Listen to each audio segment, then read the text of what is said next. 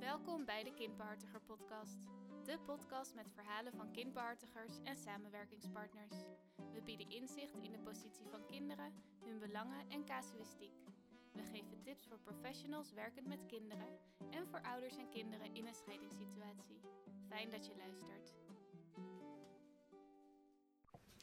Welkom bij weer een podcast Kind en Scheiding. Ik uh, ben Marieke Lips en we gaan het vandaag hebben over contactverlies. Ik zit met uh, twee buddies van Filipinedo aan tafel. Ontzettend fijn dat jullie hier zijn en dat jullie met mij in gesprek willen over toch een best wel kwetsbaar onderwerp. En vanwege die kwetsbaarheid hebben we ook gekozen om uh, eigenlijk in deze podcast geen namen te gebruiken en dat jullie ook anoniem aan tafel zitten. Um, en toch even de vraag om vanuit dat stukje kort iets over jezelf te vertellen. En uh, gewoon hè, als buddy van Filipinedo, maar een beetje wat je achtergrond is.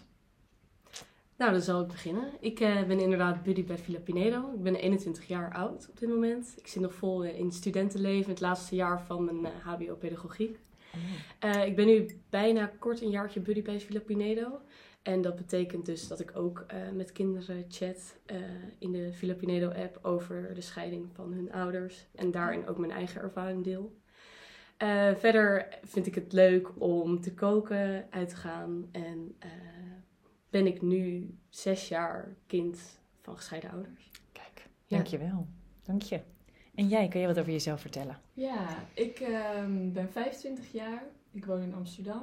Ik um, ben in 2018 uh, vrijwilliger geworden bij Villa Pinedo, dus dat is uh, al ruim vier jaar. Um, ik werk nu ook drie, sinds 3,5 jaar ongeveer bij Villa Pinedo.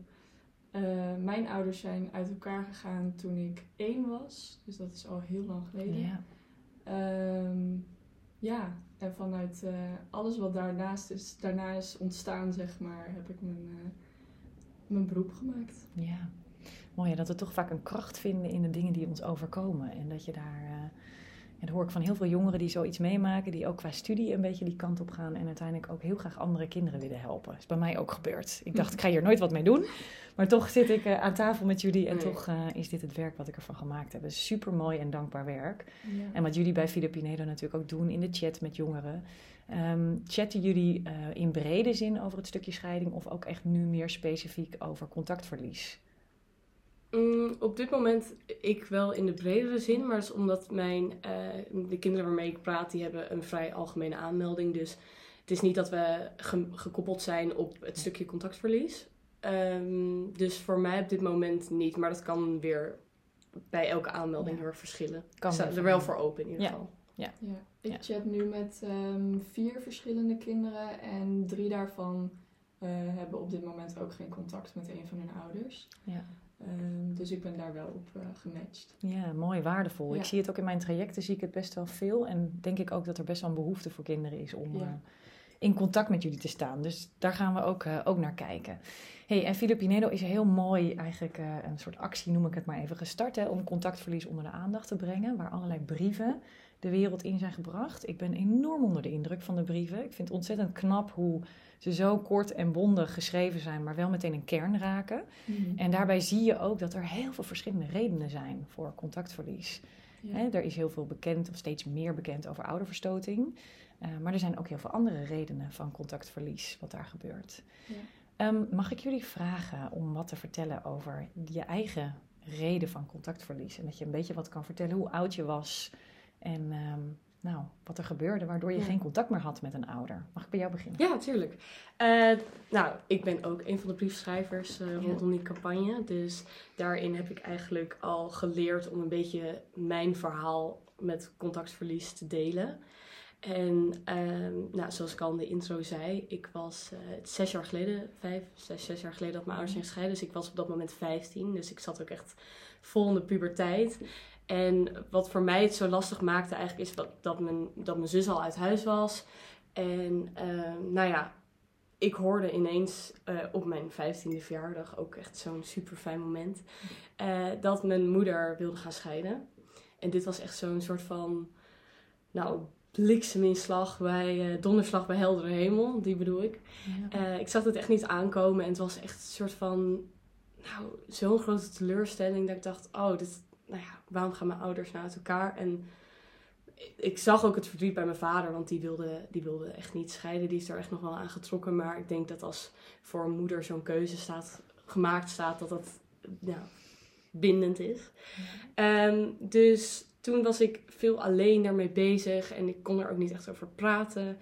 En ehm, nou, toen mijn ouders dus definitief uit elkaar waren, betekende dat dat mijn vader in het ouderlijk huis bleef wonen. Dus echt het huis waar ik zelfs geboren ben, opgegroeid. Ja. En mijn moeder bleef wel aan dezelfde plaats, maar die ging uh, eigenlijk aan de andere kant van het dorp wonen. En toen dacht ik eigenlijk van, oh, oké, jij gaat daar nu wonen, dus jij gaat weg. Jij hebt besloten weg te gaan. Ik blijf hier. Uh, mede daardoor ook uh, omdat ik echt heel slecht ging op school. Ik zat echt niet lekker in mijn vel. Uh, ik bleef ook nog eens zitten. nou ja, al mijn vriendinnen gingen lekker het eindexamenjaar in en ik bleef nog achter in de vierde. dus het was echt heel veel en ik wist niet. Ik was 15, ik wist niet wat ik nou eigenlijk altijd moest meenemen. Ik vergat altijd spullen dan had ik weer hockeytraining en dan moest ik toch weer op en neer om uh, mijn scheenbeschermers te halen. Dus het was eigenlijk echt, ik was er, was er zo niet uh, aan gewend en het was zo nieuw dat ik echt dacht van, oké, omdat jij dus, uh, naar mijn moeder dus, omdat jij dus wilde gaan scheiden, moet ik nu opeens blijven zitten, telkens op en neer fietsen. Het was, het was geen grote afstand, maar het was toch echt dat ik dacht, oh, ik, ik kan dit niet en ik vind het heel lastig. En daarbij ook dus de boosheid naar haar heel erg. Mhm. En ik merkte heel erg dat ik dacht, het zou eigenlijk gewoon heel fijn zijn als ik gewoon bij mijn vader kan blijven. En ook omdat als ik bij mijn moeder was, was er gewoon vaak ruzie. Ik was altijd boos. Mm nou, het was niet gezellig. Ook niet voor haar.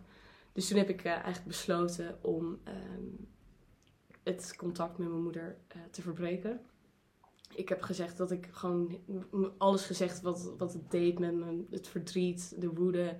Uh, maar ook de stress, de ongemakken met op school met je extra kledingtas staan die niet in mijn kluisje paste. Dus het was voor mij allemaal een beetje te veel op dat moment. Uh, en uh, ik heb echt heel erg gesproken vanuit mijn behoeften, dus wat ik nodig had. En dat mhm. was dus die rust, die mhm. ruimte. Mm En daarin heb ik wel het begrip van mijn moeder gekregen. Dus zij heeft mij wel ook die rust en die ruimte gegeven. Hmm.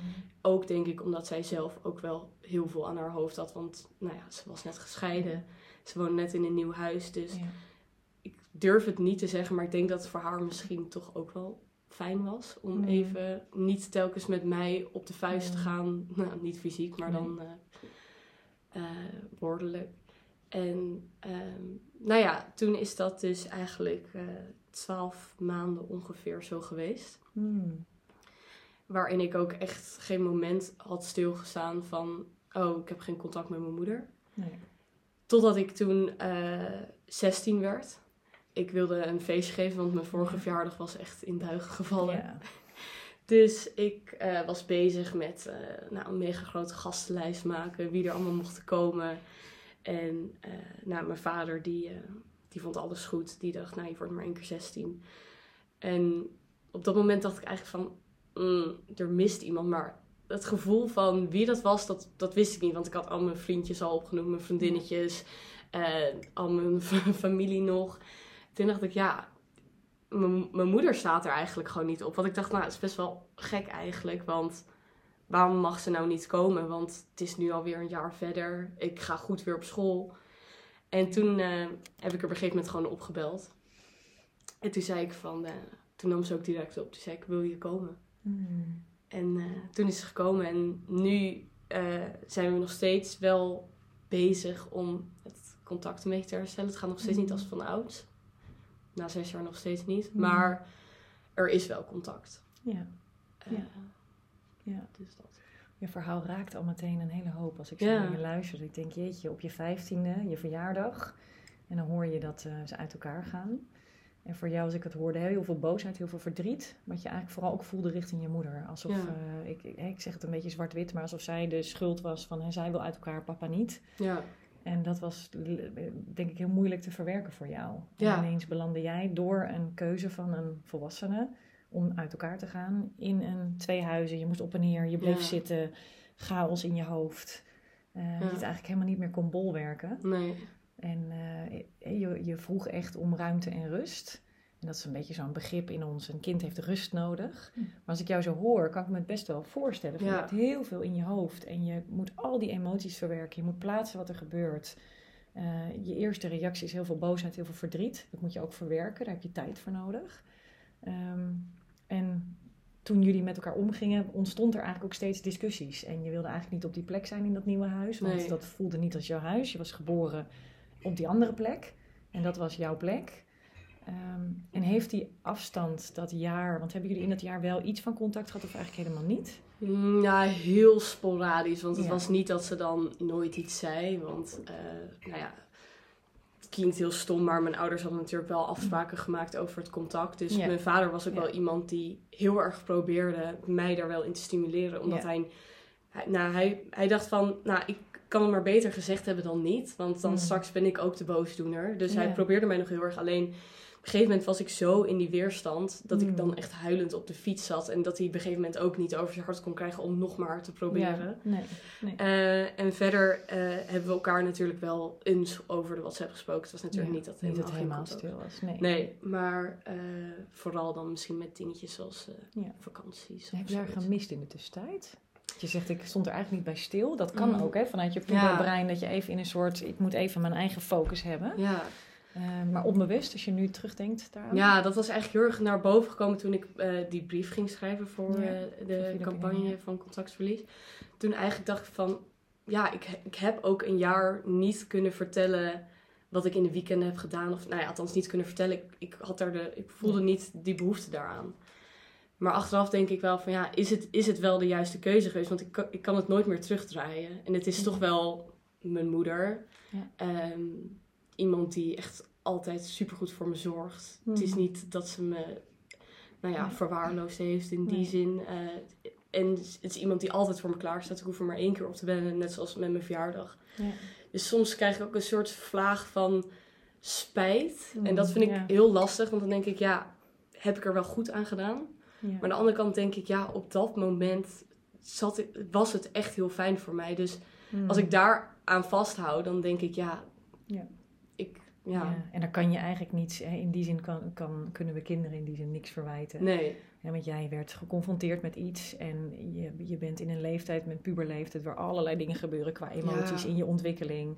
Eh, ik gebruik altijd heel, heel mooi de theorie van Piaget, die heb ik jullie laatst in de Zoom-sessie verteld. Maar hè, Piaget die, die is eigenlijk de cognitieve ontwikkeling van kinderen en ook wat er in eh, je hersenen gebeurt. En ook ehm, als je zoiets meemaakt, dat je dan eigenlijk een soort laadje in je hoofd creëert. En dat laadje was gewoon boosheid, was...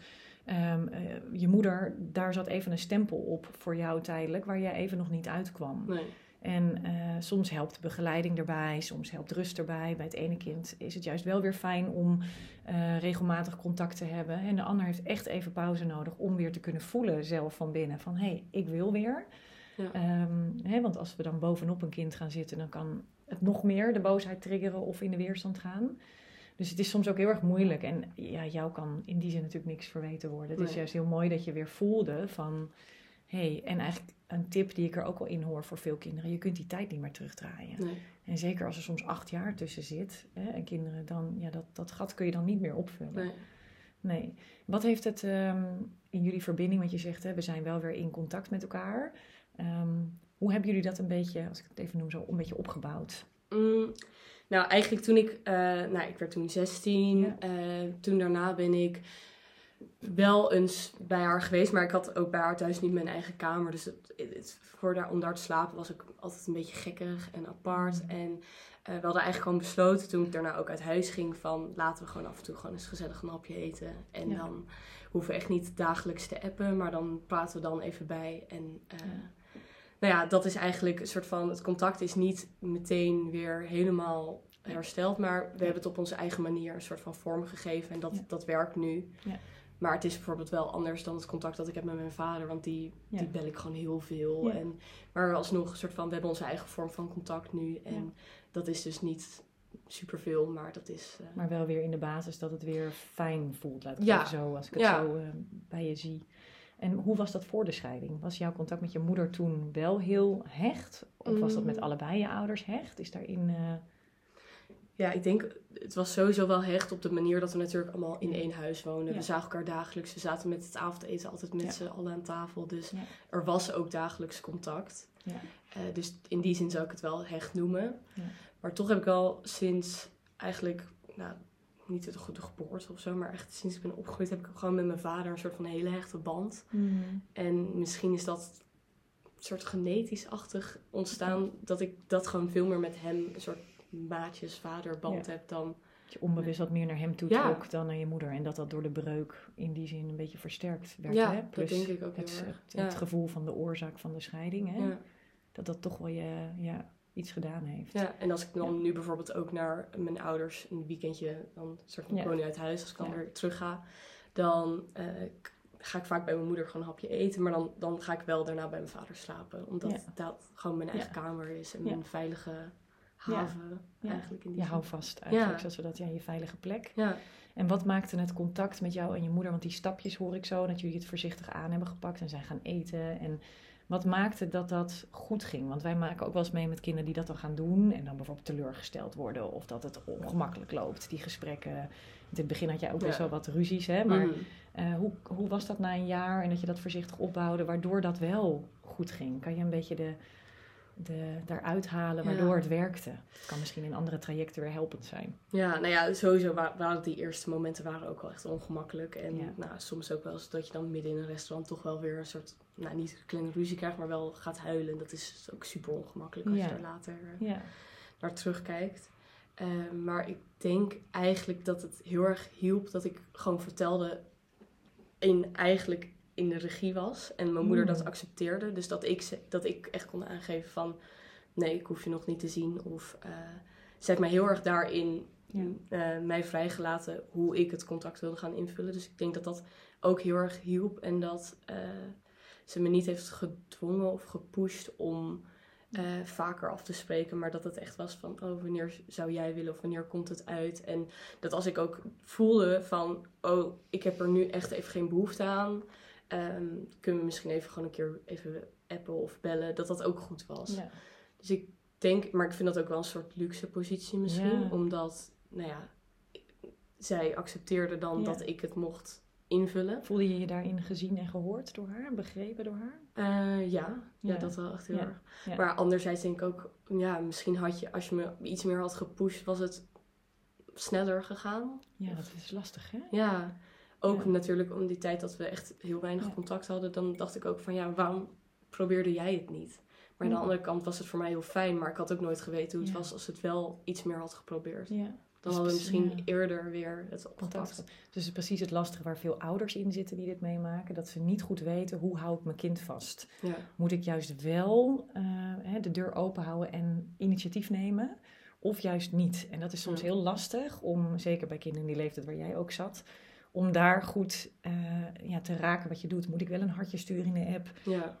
Moet ik dat niet doen? Moet ik geen app sturen? En dat vinden heel veel ouders heel erg lastig. Ja. En dus daar helpen wij ook als kindarts vaak bij van wat, wat, waar ligt nou de behoefte van je kind. Maar ik hoorde wel dat jij daar met je moeder over kon praten, dat je dat kon bespreken. En dat, dat, eh, en dat ze dat hoorde en aannam en daar rekening mee hield. Dus dat dat wel heel erg belangrijk is. Ja. En hoe waren jouw ouders, even, en dan ga ik naar, naar jouw verhaal, hoe waren jouw ouders in, eh, in die situatie met elkaar? Eh, waren zij rustig ten opzichte van elkaar? Mijn ouders hadden sowieso geen contact. Hadden geen contact? Nee, die hadden, eh, hadden mailcontact eh, over grote zaken, maar Ja. verder die hadden geen contact. Nee. Waren er, heb jij ruzies gezien of meegemaakt? Of dat ze dingen over elkaar zeiden? Ehm, nou ja, dat doen mijn, dat doen mijn ouders soms nog wel Ja. steeds. ja. En niet altijd negatief, maar gewoon vaak ook dat ze over elkaar roddelen. Ja, vind Ja. ik echt nog steeds echt verschrikkelijk. Moeten ouders ook niet doen. Nee. Ah, nee. Nee, ehm, nee, mijn ouders konden wel sneren over elkaar naar mij maken, maar ehm, ze zagen elkaar ook echt niet. Want ik hoefde niet bijvoorbeeld bij de ander thuis afgezet te worden. Ik kon dan zelf van, Ja, van A naar B. Dat je wat ouder was. Ja. Dus ik heb dan ook niet echt veel gezien dat ze elkaar zagen. Maar wel eens dat mijn ouders elkaar negeerden in de supermarkt waar ik dan naast liep. Lastig, hè? Ja, en dat was dan een beetje dat ik dacht, ja, ik ben er ook nog. Dat helpt dan ook niet. Hè? Nee. Dat is lastig. Nee, want dat zie ik ook wel veel in, eh, in eh, situaties waar ik dan kinderen begeleid. Dat de ouders dus heel veel ruzie en conflict met elkaar hebben of rechtszaken hebben. Waardoor het voor een kind ook nog lastiger is om echt te voelen wat je zelf wil voelen. En om eruit te komen. Hè? Want jij bent na een jaar dan wel weer in die verbinding met je moeder gekomen. Maar er zijn ook kinderen die te maken hebben dat ouders nog steeds verwijten maken naar elkaar en dat blijven doen op een best wel pittige manier. Waardoor een kind, als die wil bewegen, denkt: ja, ga ik allemaal niet doen. En uh, daardoor nog steeds zeg maar in de weerstand blijft. Dus dat is heel lastig. Maar ik hoor wel een aantal belangrijke dingen van: hé, jij voelde echt, en dat is even voor, ook voor de luisteraars, weet je, van hé, jij voelde echt van.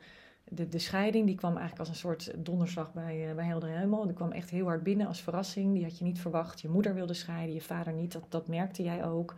Dat voelde voor jou heel pijnlijk waren heel veel gevoelens, verdriet en boosheid, die echt even de tijd nodig hadden om die te plaatsen. In de basis leek het alsof je al iets meer naar je vader soms trok dan naar je moeder. En jij had echt even rust en ruimte nodig voor jezelf, om jezelf weer op de rit te krijgen. En uh, dat begrip van de, vanuit je moeder, dat heeft wel geholpen. Dat jij in dat jaar eigenlijk wat meer tot jezelf kon komen, waardoor je zelf voelde, ik mis eigenlijk een persoon die op mijn verjaardag komt. Ja. Dus het is eigenlijk een intrinsieke beweging die je maakte van binnenuit, van ik wil haar er eigenlijk wel weer graag bij hebben. Ik wil toch eigenlijk wel weer contact. Dus dat zijn een aantal, die hoor ik ook wel veel bij kinderen terug. Die rust in die ruimte, hun eigen boosheid. Ehm, veel kinderen zeggen ook, ja, het is niet zomaar over. Ik kan niet zomaar door het uit te praten dat die boosheid er in één keer. Die scheiding is iets, zoiets groots. Of wat er gebeurt is zoiets groot, daar heb ik tijd voor nodig. En eigenlijk alles wat die ouder doet, is gewoon de stempel boosheid. Terwijl dat natuurlijk helemaal niet realistisch is, maar zo voelt dat op dat moment. En zeker als je in die puberteit zit. Ja. Nou, dus dank voor jouw stukje verhaal vast. We komen vast straks nog op dingen. Um, mag ik jou uh, vragen om wat te vertellen over? Hè? Je hebt een heel ander stukje verhaal, vanaf dat je één was eigenlijk al. Um, dat je wat kan vertellen over hoe dat bij jou is gegaan en uh, het contactverlies. Ja, zeker. Ja, um, ja ik, dat mijn ouders uit elkaar gingen, toen was ik dus één. Dus daar weet ik niks meer van. ik vraag wel eens aan mijn moeder van, was dat nou een complexe scheiding? En... Uh, volgens haar niet. Ze zei, nou, dat ging eigenlijk uh, best wel soepel. Um, dus volgens mij hebben mijn ouders ook niet per se ruzie gehad of ruzie gemaakt. Ik heb eerst altijd uh, een omgangsregeling gehad. Dus dan ging ik samen met mijn broer om het weekend naar mijn vader toe en zijn nieuwe vrouw. Um, ja, daar hadden we het gewoon nooit echt naar ons zin. We konden daar echt niet onze plek vinden. Um, voor mijn gevoel was mijn vader vaak boos. Vond hij het vaak, uh, vond hij ons vooral vervelend eigenlijk. Mm um, en ik denk ook door, doordat ik zo jong was dat mijn ouders wel uit elkaar gingen, is het mij gewoon nooit gelukt om, om echt een band met hem op te bouwen. Nee. Om echt raakvlakken te vinden. Die basishechting. Om, ja, om echt te voelen van, oh jij bent mijn vader en ik ben jouw kind. Dat, dat gevoel is denk ik gewoon nooit, uh, nooit gekomen. Um, en toen ik uh, ongeveer 12 was, geloof ik, 11, 11 12, toen uh, verhuisden we naar hetzelfde dorp als waar mijn vader woonde. Dus toen heeft hij gezegd, nou dan hoef je ook niet meer om het weekend te komen. Dan kan je gewoon komen wanneer je daar zin in hebt. Mm -hmm. um, ik denk dat ik toen ik 12 was al flink aan het puberen was. Uh, dus ik had nooit zin. Nee. Um, Vooral ook omdat we dus die band niet hadden. Dus ik vond het naar hem toe gaan, vond ik ook niet per se dat ik dacht, oh superleuk. Nee. Um, ik, ja, ik, ik kon gewoon niet echt uh, daar ruimte voor vinden in mijn hoofd. Van, ik had gewoon mijn eigen wereldje, zeg maar. En uh, ja, naar hem toe gaan was dan al veel. Mm. Um, eigenlijk hebben wij vanaf toen, uh, door de jaren heen, nu, ik, nou, nu ben ik 25, heel vaak te maken gehad met het contact verliezen tussen ons beiden. Uh, de ene keer um, was, kwam dat meer vanuit mij, de andere keer kwam dat weer meer vanuit hem. Ik zou ook niet kunnen noemen op welke leeftijden dat is geweest, maar in ieder geval vanaf mijn twaalfde tot nou, eigenlijk nu ja. hebben we meerdere keren gehad dat we geen contact met elkaar hadden. Als je knipperlicht van wel, dan weer niet. Ja, ja. ja. Um, voor mijn gevoel is het, is het, als het bijvoorbeeld vanuit mij kwam of vanuit hem kwam, was het ook wel wederzijds. Dus het lukte gewoon heel vaak ook niet. Dus het was ook niet uh, dat we allebei heel erg het niet wilden, maar het lukte gewoon echt niet. Nee. Um, ja, dat komt denk ik door dus dat we die band niet hebben. Um, en ik vind mijn vader ook een moeilijke man. Ik, ik kan gewoon niet zo goed met hem omgaan. Uh, nu wel beter, maar vroeger vond ik dat ontzettend moeilijk. Mm -hmm. um, en zeker als puber, nou eigenlijk uh, wat, wat we net ook al hoorden. Uh, als puber wilde ik gewoon met mezelf bezig zijn. Ja. En ik vond dat eigenlijk al moeilijk genoeg om te puberen. En Eh, ik was heel onzeker en ik, vond, ik werd ook wel eens gepest. Dus ik vond het gewoon heel lastig om daarin al voor mezelf te zorgen en aan mezelf Ja. te denken. En er kwam Handen ook vol nog aan zo'n jezelf. heel stuk, ja, er kwam er Ja. zo'n stuk van mijn vader bij waarin het ook niet lukte, zeg maar. Ehm, dus ik schreef ook, als ik nu dagboeken van vroeger teruglees, dan schreef ik ook dingen op als van waarom lukt het eh, niemand om van mij te houden? Omdat ik Mm. gewoon echt het gevoel had van mijn vader houdt niets van mij. Ja. Ehm, waar denk ik ook een stuk van mijn onzekerheid vandaan kwam als puber. ja. Ehm, dus ja, daarin hebben we, ja, wat je net ook zegt, een soort knipperlicht eh, band Hmm. altijd gehad. Ehm, de laatste jaren is dat ietsjes stabieler geweest. Eh, ik ben ook volwassen geworden. Ik kan ook op een andere manier nu naar mijn vader kijken. Met veel meer compassie en, en liefde. Dat kon ik echt nog niet. Het lukt niet hè, in die puberteit. nee, dat je zegt, je handen niet. vol aan jezelf, je bent aan het puberen, je zit Ja. eh, in je eigen kokon van je wereld. Ja, ik kon dat Ja. echt niet. Ik denk dat ik dat misschien sinds mijn twintigste pas kan. Ja. Dus dat heeft echt heel veel tijd nodig gehad. Ja, past ook weer bij de ontwikkeling van kinderen hoor. Bij de Ja. cognitieve ontwikkeling, dat je dan eigenlijk pas, als je allemaal door vallen en opstaan bij dingen bent gekomen, dat je dan pas een soort commitment maakt van, oh, en nu zie ik Ja, waardoor ik deed wat ik deed, of zie ik wat een ander doet. Dus dat is ook niet gek. ja. ja er, zat, er zat bij mij ook veel boosheid en onbegrip van... Waarom lukt dit nou niet? Ben ik echt zo'n naar kind dat je niet Hmm. met mij... Twijfel je aan geen- jezelf. Ja, dat je Ja. geen verbinding met mij kan maken. Ja, ja en, en of dan zag ik vaders bij een ander en dan dacht ik... Waarom, waarom zijn die vaders zo lief en zo leuk? Ja. En waarom kan mijn vader dat niet voor Ja, mij het zijn? is toch een stuk pijn en verdriet ook, Ja, hoor ik ook, van een gemis. Maar het lukte niet, het was te ingewikkeld. Ja, ja. Ja. Dus toen, ehm, toen ik volwassen werd en eh, daar ook meer over ging leren door mijn studie, maar ook gewoon omdat ik dat interessant vond. Toen, nou, nu heb ik steeds meer geleerd van, ja, mijn vader heeft mij gegeven wat hij kon. Ja. Ehm, Mooi, Dat was niet- systemische. ja, Ja. dat was misschien niet genoeg voor mij, voor mij maar Nee. dit was wat hij kon geven en eh, wat hij kan geven, want dat is nu nog steeds het geval. Ja.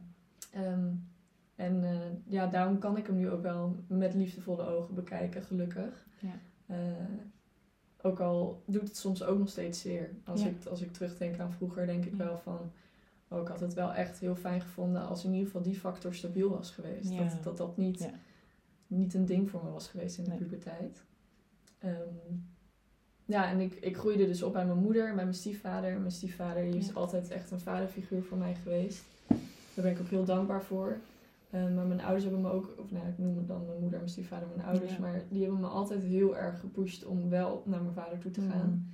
en het contact te onderhouden. En die zeiden altijd, ja, het blijft toch je vader. En dan Ja. dacht ik, ja, dat Ja. kan wel. Ja, dat wil je maar, op dat moment maar dat niet. moet, moet maar hij ook aan mij geven. Ja, ja. Ehm, ja, en eh, eh, vorig weekend sprak ik nog eh, eh, de ex-vrouw van mijn eh, vader. Dus die is in- Hmm. inmiddels weer gescheiden. Mhm. En eh, die zei dat ik als kind een keer tegen haar zei van... Maar ik ben toch het kind en hij is toch de vader. En dat ze dat zo hartverscheurend vond. Maar Ach, ze zei, ja. dat, dat, dat is heel typerend geweest voor, eh, Ja, voor hoe, dat, hoe dat contact altijd is hoe dat is geweest. gegaan. Ja, Ja. ja. En mooi, mooi dat je jezelf dat wel kunt geven door te zien van... Hè, mijn vader heeft gegeven wat hij kon. ja. Waardoor je met zachtere ogen kunt kijken. Maar je ook als kind dat verdriet mag houden van dat je het graag anders had gewild. En jullie verhalen zijn inderdaad heel anders. En meer dat gevoel van de scheiding en de oorzaak. En die boosheid en die rust en die ruimte nodig hebben. En hier eigenlijk echt al vanaf jonge leeftijd die band missen met iemand. En Ja. ehm, hè, jij, jij noemde ook al, ik vond hem vaak ingewikkeld en boos. Wat zag jij dan bijvoorbeeld bij hem als kind? Wat je kan herinneren, hè? Eh, ja. ja, ik probeer daar wel eens aan terug te, terug Ja. te denken van... Waarom heb ik nu zo het gevoel dat hij, dat hij vaak boos was? ja. Ehm, ik denk dat, dat eh, mijn vader het ook gewoon moeilijk vond om met kinderen om te gaan. En, en eh, kinderen kunnen soms ook gewoon vervelend zijn. En Mhm. mijn broer en ik, die zijn echt eh tegenpolen. En eh, wij maakten ook echt flink wat ruzie vroeger. Mhm. Ik denk dat dat ook lastig was. Dus Ja. dat, dat hij dan gewoon dacht van... Hoe hou ik ze in het gareel? En Ja. dat dat niet lukte, want dat lukt Nee. niet bij kinderen. Nee. Ehm, dus in, in mijn beleving was hij gewoon heel snel... kon hij ineens heel geïrriteerd zijn op iets wat wij verkeerd deden. Of ehm, ja, Dat was toch wel gevoelig voor jou als kind, merk ik dat dat dan, hè? Dat dat, ja, ja, ja, ik, ben- ik ben denk ik sowieso altijd al heel gevoelig geweest. Dus Ja. ik, ik vind boosheid vond ik altijd ook wel heel moeilijk. Ehm, ik huilde ook heel veel. Ik was ook echt een, echt een huilerig kind. Ehm, dat vond mijn vader ook lastig. Als dat ik je veel oppikte. Ja, 80% van onze communicatie is non-verbaal. Dus het kan zomaar zijn dat je als kind heel veel, zeker kinderen, die zijn sponsjes. En dan kun je het niet altijd uitleggen wat er bij een ouder gebeurt. Hè, maar dan kan het soms al, eh, kinderen noemen het soms wel eens het masker wat over een ouder gaat. Eh, van hè, een boze blik, of die boze wenkbrauwen, of die boze ogen. Of Ja. ik ga er zelfs nu een beetje boos van kijken terwijl ik het voordoe. Hè, maar dat, of een spanning die ze voelen. En die kun je niet thuisbrengen. Maar dat, Dat dat, neem je ja. dan in je eigen lichaam op. Omdat je dat als kind nog niet helemaal kunt loskoppelen van die ouder. En Ja. nu kan je zien van hé, jouw vader komt ook ergens vandaan. Die heeft ook een jeugd gehad. Ik zeg altijd, elk gedrag heeft een verhaal. Ja, Dus ook zijn gedrag heeft een verhaal. En bij, bij jouw ouders ook. Hè. Ehm, maar dat is als kind wel moeilijk. Want je hebt Ja. als kind mag jij ontvangen. Je mag de ouder geven. En ehm, dat je toch ook getwijfeld hebt aan jezelf. En eh, ja, zoekend erg. bent Ja. geweest van... Hè, dus wat, wat, ben ik wel lief genoeg? Mag er wel van mij gehouden worden? Ja. En dat dan dat ook heel ingewikkeld is. Als je die band niet voelt en die hechting niet voelt. Ehm, wat, wat eh, is misschien een vraag aan jullie allebei. Hè? Wat ehm, had je fijn gevonden als kind om in die ouder eh, te zien, te voelen? Hè? En bij jou echt vanuit dat stukje band van hoe had je vader bijvoorbeeld kunnen doen? Of Mm. eh, hoe had je het gewild? Hè? Ehm, en bij jou ook, hoe had je bijvoorbeeld bij je moeder, had hij het wel anders kunnen doen? Had je vader iets anders kunnen doen? Ehm, ja, ze hadden misschien niet moeten scheiden, maar dat was misschien ook niet goed gegaan. Hè, dus dat was misschien ook niet fijn geweest. Gewoon even om over na te denken. En bij jou, wat, wat, eh, had jij, wat had jij willen zien bij je vader in zijn gedrag naar jou? Wat jou had kunnen helpen misschien? Ja, als ik nu ehm, met mijn eh, volwassen bril op eh, denk, dan zou ik niks veranderen. Hmm. Omdat ik gewoon eh, ja, ook dankbaar ben voor de lessen die ik eruit heb, uit Ja. heb geleerd. Ja. Ehm, en eh, we doen wat we, wat we kunnen. En, en dat, dat werkt ook ehm. Nou ja, niet perfect, maar goed genoeg. Ehm, maar met mijn kindbril op denk ik... ik had echt heel veel liefde nodig. En dat, ja, dat, dat, dat was... Ik denk dat ik daarin onverzadigbaar was. Dus Ja. ik wilde gewoon zo graag horen dat hij van me hield. Of dat hij me even zou vastpakken. Of ehm, ja, dat hij, dat hij misschien eh, een keer iets leuks met me zou gaan doen. Ja. Ehm, dat deden we ook niet echt. Misschien ook omdat ik een, een meisje ben. Dus dat dat voor hem misschien nog lastiger Mm. was. Van ja, je kan met je zoon gaan voetballen of vissen. Ja. Had ik ook helemaal prima leuk Ja. gevonden. Als hij dat maar een keer met me wilde doen. Ja. Ehm, ja, dus ik, ik denk dat er veel dingen die ik dat er veel dingen zijn die ik als kind anders had. Ja, dus echt vanuit die basisbehoeftes hoor ik even Ja. echt gezien, gehoord ge- ge- worden, geliefd zijn, Ja. Ja. erkenning krijgen. Ja. En dat je ertoe doet. Ik pak hier een kaartje die ik toevallig heb. eh, de meest krachtige vier woorden die je tegen een kind kunt zeggen zijn: Ik geloof in jou. Ja. Ja, ja, heel mooi. Ja, hè? Ja. Die past eigenlijk wel een beetje bij, jou, eh, Ja. bij jouw stuk eigenlijk. Ja. Ja, dus echt. Hè? En ik vind het ook heel mooi dat je onderscheid maakt tussen nu als volwassene. En dat is ook echt heel erg lastig voor de ouders die in deze situatie zitten. Of ouders die heel graag het contact willen, maar niet goed weten hoe. Die willen graag heel snel, hè? want die hebben het idee, zeker bij ouderverstoting is het wel, hoe meer tijd er overheen gaat, Ja. hoe, meer, hoe mo- moeilijker het is. Maar er zitten ook heel veel andere dingen dwars door dat verhaal heen, waardoor soms wel even die stap voor stap en die aanpak nodig is. Mhm. En dat is voor de ouder in die situatie die een beetje op de wachtstand moet zitten heel moeilijk. Ehm, en jij zegt eigenlijk terecht vanuit die kindbril. Doe je soms wat je doet. Hè? Elk gedrag heeft dat verhaal weer. Jij helde heel veel. Jij zocht misschien om aandacht. Eigenlijk had hij je misschien op schoot moeten pakken en zeggen: Lieverd, kom eens hier. Mhm. Hè, maar Ja. ging jullie tot bedaren roepen. Ehm, nu kan je zien waardoor hij dat deed. Maar als kind kan je dat niet zien. En dat is hetzelfde bij jou. En door je kindbril was jij boos, had je rust nodig, je wilde even niet. En door je volwassen bril kun je misschien denken: ja, mijn moeder deed ook maar wat ze deed. Of misschien had ze Ja. ook even. Dus hoe is dat voor jou als jij naar jouw ouders. eh, Ja, eigenlijk heb ik het idee dat mijn moeder en ik op dat moment niet dezelfde taal spraken. Dus Mhm. een soort van, ik was echt heel erg Ja. boos en ik bleef daarin hangen. Ja. En eigenlijk was die soort van die onderste laag was natuurlijk ook heel veel verdriet. Maar dat Ja. kwam er niet, niet uit. Dat stopt je weg En waarschijnlijk. Ja, mijn moeder die was, die, die voelde zich denk ik ook wel heel erg het slachtoffer. Een beetje. En dat, dat deed ze ook. En want ze probeerde dan wel te zeggen van... van ik ben niet voor niets gescheiden. Of ze, Mm. ze probeerde mij ook uit te leggen waarom ze ging scheiden. Maar Mm. dat, dat hoorde ik niet. Ja, maar je, ook, daar was je nog helemaal niet aan toe. Nee, nee, dat hoor je nee. vaak pas, kan je pas vaak horen als je ouder En bent. nu, Ja. nu als ik er ook over nadenk, denk ik wel van ja, misschien waren mijn ouders niet die soulmates forever. En Nee. zijn ze nu op een heel ander gelukkig pad. Ja. Dus ik denk misschien dat ik met mijn moeder, ehm, en dat zou ik nu ook nog steeds wel een keer met mijn moeder willen doen, gewoon eens een keer met eh, een onafhankelijk iemand erbij die, er, die kan helpen om die gevoelens ook te vertalen. Ja. Dat we Ja. elkaar ook beter begrijpen. Want ik denk ook dat dat een van de grootste soort van verschillen tussen ons is. is, Is ja. dat wij gewoon elkaar echt niet begrijpen. En we zitten gewoon echt niet op dezelfde Nee, golflengte. nee. Dus dat zou ik nu bijvoorbeeld ook nog steeds wel eens een keer willen proberen. Ook al zijn we zes jaar verder. Ja. Nou, je mag aankloppen hoor, sowieso. Ja, inderdaad. Maar ik hoor heel erg wel, wel mooi eh, die verschillende taal die jullie eh, spreken. Want dat is ook wat. Wij zijn heel erg bezig met hersteltrajecten. We hebben ook een, een vorige podcast gemaakt over de berg van herstel en de methodiek. En dan zie je eigenlijk ook dat wij eerst eigenlijk het verhaal, de levenslijn van de kinderen in kaart brengen. En heel erg kijken van systemisch, waar zet je nou iemand neer? Wat is iemands plek? Welke gevoelens zijn er? Welke gedachten zijn er? Ook vanuit die theorie van Piaget, welke overtuigingen zitten er? En dat we dan bij ouders ook kijken, wat is jouw levenslijn? Wat is jouw verhaal? Waarom doe jij de dingen zoals je het doet? Waar komt jouw gedrag vandaan? En dan gaan we kijken met een hersteltraject eerst naar een berg veilig maken. Van hoe kan het weer veilig voelen tussen jullie? En veilig is een heel groot woord. Hè? Veilig kan fysiek veilig zijn, maar ook non-verbaal, mentaal. Ehm, dat je dus niet in een discussie belandt. Hè? Als jij met je moeder zat en jouw moeder ging uitleggen over de scheiding, dat is nog niet veilig, want jij bent daar nog niet aan toe. Dat Nee. komt pas veel later bij de berg van erkenning. Dat is de laatste stap eigenlijk. En dus veilig is heel erg van, hey, hoe ga je weer op die basishechting, met jou ook die band, met je Mhm. vader, het contact maken. Dat je je gezien, gehoord voelt, dat je non-verbaal, dat je niet in een discussie belandt, dat iemand kan aansluiten op wie jij bent. En dan ga je naar verbinding, dan ga je weer dingetjes doen. Ga je uit eten, ga je iets ondernemen met elkaar.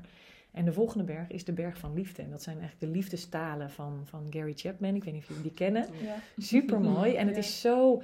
En je ziet soms ouders die. Jij zegt, hè, ik had heel veel liefde nodig, knuffelen. En jouw vader gaf jou misschien op een hele andere manier.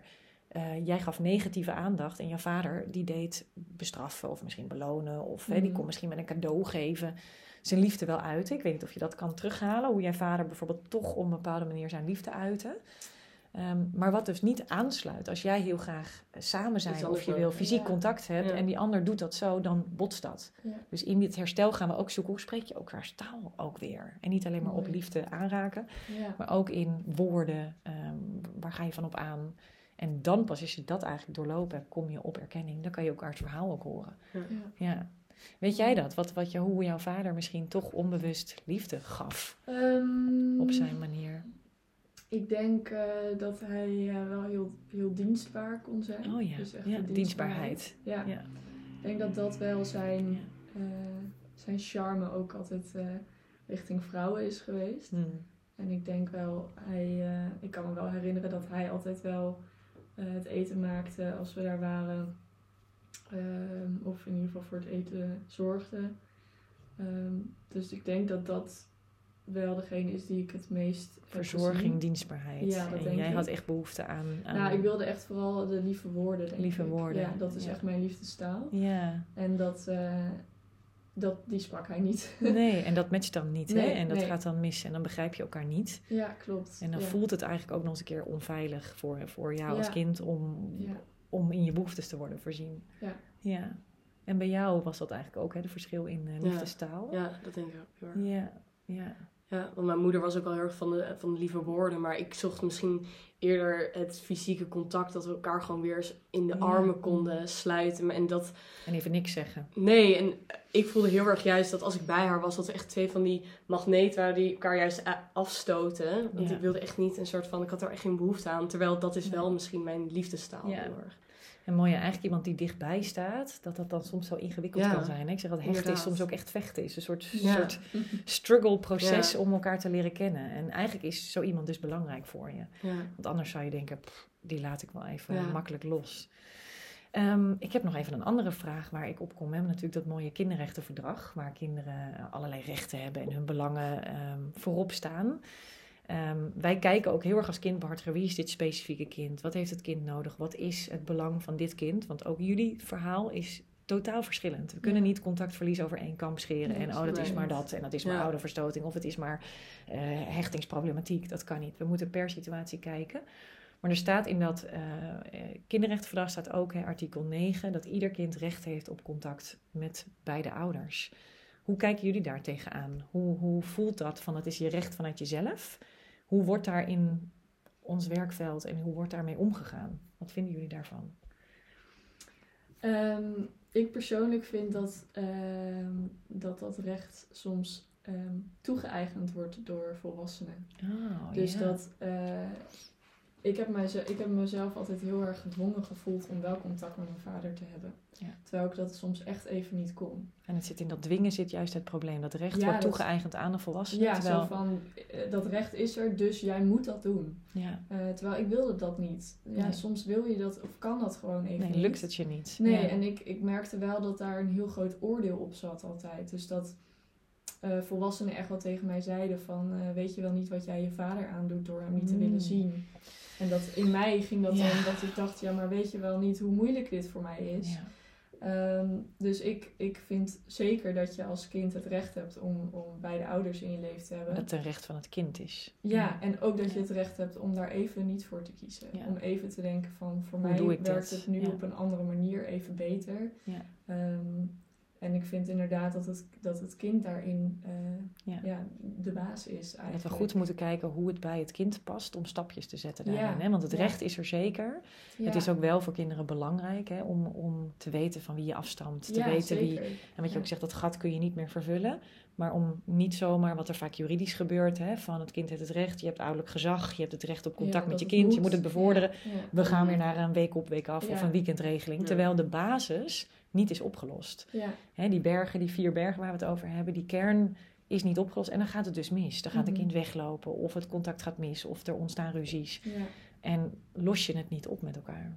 Ja, voor mij, ik, noem, ik noemde het eh, contact altijd meer een middel voor het doel. Dus Ja, ehm, mijn vader zal altijd mijn vader zijn, of we nou wel Ja. of niet contact hebben met Nee. elkaar. die basis is er. Ja, dat, ik zal hem altijd erkennen als mijn vader. En eh, ehm, hij hoort bij mij. Ik ben ook een deel van Ja, hem en ja. hij is een deel van mij. Maar contact hebben we niet altijd nodig gehad om dat te kunnen erkennen. Hij blijft ook mijn Mm. vader als ik hem niet spreek of als ik hem niet zie. Ja. Ehm, dus, en, en contact heeft natuurlijk ook nog eens allerlei verschillende vormen en gradaties. En, eh, dus voor mij is dat altijd meer een, een middel geweest van, nou, het is makkelijker om iemand te erkennen als je diegene ook ziet en spreekt. Maar het is niet eh, hoofdnoodzakelijk voor mij Nee. geweest om hem Nee. te kunnen erkennen als En vader. had hulp jou daarbij geholpen? Als er iemand was die meer zag wie jij, wie jij was, wat jij nodig had als kind. eh, en een vertaalslag bijvoorbeeld had kunnen maken naar je vader om te helpen. Van hoe doe je dat nou? Hoe sluit je nou aan? Hoe doe je dat? Ja, ik denk het wel. Ik heb me sowieso heel erg ehm, eenzaam in dat stuk Ja. gevoeld. Ook Ja. al had ik mijn broer en, en mijn moeder en mijn stiefvader, die waren er ook altijd voor me. Maar wel dat ik soms dacht van, waarom ziet niemand wat ik echt nodig heb of wat ik echt wil? Dus dat is echt wel heel belangrijk. Iemand die Ja. ernaast staat en begeleiding in dat Ja. proces. Die ook ouders kan laten zien hoe je dit nou doet en aanpakt. Dat zie ik ook hoor in de trajecten waar ik in zit. Dat het echt essentieel. Zonder begeleiding gaat dat dan mis. Of ja. wat ook niet erg is. Want het, soms is het gewoon moeilijk. En heb je een onafhankelijke nodig die helpt. Mhm. om wat jij ook mooi zei, die vertaalslag te maken en te zien wat er gebeurt. Hey, en voor jou, dat recht van het kind, van het recht op contact met beide ouders, hoe zie jij dat? Mm, nou, ik, ik mag namelijk wel uit een soort luxe positie spreken, omdat mijn moeder die eh, hield echt heel erg rekening met wat ik wilde in dat Ja, contact. Ja, ja. Dus eh, ja, eigenlijk zou ik het een soort van willen, een soort van vult samen in. Mm. Probeer het. Mm. Ehm, het kan elke week ook weer anders zijn, Ja. eh, maar geef ook vooral aan ja, je behoeften daarin en eh, welke ruimte je nodig Ja, hebt. dus volg ook het kind, hoor ik daar Ja. En stapje, wel stapjes maken, want dat hoor ik ook wel. Wel stapjes maken, maar niet, eh, niet dwingen, pushen. Juist Nee. soms even, dan maar een keer niet. Of wel, een, wel een beetje beweging erin houden, Nee. En wat ook juridisch vaak is, is dat het dan in één keer wordt afgesproken. Dit is dus Ja. de omgang. Of dit gaan we doen. Maar misschien kan het weer over Ja. een aantal weken totaal anders voelen. eh, voor Ja. beide partijen ook. Dus Ja. misschien blijft daarin gewoon over in gesprek. En. En dan is begeleiding ook wel weer fijn erbij. Ja, heel Dan is erg. het lastig. Ja. Dat en mensen gaan echt vanuit hun emoties, vanuit hun overtuiging. Dat doet ouders ook. Hè. Die, die, die komen ook van dat stuk. Ja. En dat is dan soms ook heel lastig. Ik vond deze nog wel mooi om even vanuit jullie verhaal ook te laten zien. Kinderen zijn niet lastig. Sommige, ki- sommige kinderen hebben het moeilijk en dat is voor bepaalde mensen lastig. Hm. Ja. Ja, Heel mooi. Ja, hè? passend. Ik ga er niet te veel over zeggen, maar dat zijn de kaarten van eh, Esther van Groenewegen van Als hechten niet vanzelf gaat. Dat zijn gewoon hele mooie kaarten die Ja. over hechtingsproblematiek gaan, maar er zitten een aantal tussen. Ehm, nog eentje die ik voor jullie heb. Eh, neem nooit permanente beslissingen over tijdelijke gevoelens. Wat wil je daar? Wat kan je daarop zeggen? Nou ja, dat, dat heb ik wel gedaan. Ja. En eh, ja, ik weet niet. Ik vind dat achteraf gewoon soms ook, wat ik al eerder gaf, het voelt heel erg soms schuldig ook. Mm. Ook omdat ik het niet meer kan terugdraaien. Maar op dat moment weet ik dat het voor Mm. mijzelf echt, echt Ja. een soort Ja. oase van rust gaf. Ja. Ehm, dus daarom wat ik net ook als advies gaf van kijk misschien vaker wat wekelijkser naar ja. hoe het nu kan. En En niet een jaar zo ertussen laten ja, zitten. inderdaad. En het soort van, ik had het ook echt van me afgeschoven van oké, dit is dan nu voor hoe het Ja, nu is. En dat heb ik nooit meer Nee. eventjes tussentijds teruggehaald. Pas toen ik Ja. eh, mijn eh gastenlijst voor mijn verjaardag ging eh Ja. Dus je samenstellen. hebt het echt even geblokt en gedacht, Ja, ik zit in die inderdaad. boosheid en Ja. dit is nu goed voor mij. Maar ik denk misschien dat ik al eerder met mijn moeder dus naar iemand toe was gegaan om het een beetje stukje voor stukje te vertalen. Dat het al eerder ook had kunnen. Ja, dat jullie stap voor stap eerder al iets Ja. hadden kunnen doen. En voor jou voelt, en dat, dat hoor ik in jou, dat dat jaar voelt als een soort permanente beslissing. Want jullie hebben natuurlijk het hersteld, dus het is niet permanent geweest. Nee. Want anders zou je nu Nee. hier aan tafel zitten en nog steeds Nee. geen contact hebben. Maar toch voelt dat jaar voor jou. Ja. Ik heb toen een soort permanente beslissing genomen. Vanuit een soort overtuiging, dit is nu goed voor mij. En dat, terwijl jouw gevoelens tijdelijk waren. Ja, want als ik ja, nu ook wat je al zegt, als je dan ouder wordt, ik kan nu ook wel steeds meer de, de keuze ook inzien van, goh, Mm. ik begrijp mijn moeder misschien wel Mm. dat ze is gaan Ja. scheiden. Ook al vind ik dat heel moeilijk om te zeggen. Maar ik kan het nu ook vanuit meerdere perspectieven Ja. zien. En niet alleen van, oh, mijn moeder is weggegaan. Dus eh, zij is de boosdoener. Ik kan misschien ook wel zien dat mijn vader wat steek heeft laten vallen in het Ja. huwelijk. Dat Dus ze een mismatch waren. Op ja, moment. inderdaad. Dus eh, nu inderdaad zijn die, dat waren echt tijdelijke gevoelens van boosheid. En nu kan ik dat andere laadje ook opentrekken van, Ja. nou ja, misschien Mooi. is het dan ook wel eh, niet meant to be voor Nee. hun als huwelijk, Ja. partners, Ja. niet als ouders. Nee, niet als ouders. Nee. Het zijn toch wat van toepassing, hè, die kaarten. Ja. ja. ja.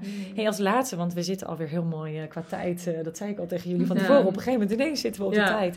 Ik vind het ook wel mooi, want we hebben natuurlijk heel veel kinderen die met deze situatie te maken. Heel veel kinderen die aanlopen tegen een struggle met hun ouders. Of door de scheiding. Of het gevoel hebben van de een is de schuldige. Of ik word beïnvloed door een ouder. Hè. Dat, wat zouden jullie kinderen ehm, die in zo'n situatie zitten mee willen geven? En misschien even vanuit je eigen beleving, want je hebt natuurlijk je eigen verhaal. Ja.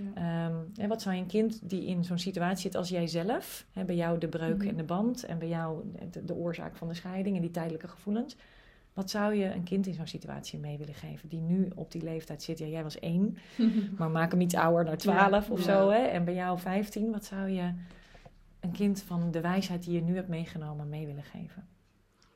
Ja, ik vond het best wel moeilijk, omdat ik had echt mijn allerbeste vriendinnetjes die belden hun moeder voor alles omdat het hun moeder was. En ik had dat heel erg geblokkeerd van, oh, ik heb nu even, nou, ik heb niet geen moeder, maar ik ben nu even niet met mijn moeder goed in contact. Dus, Ja.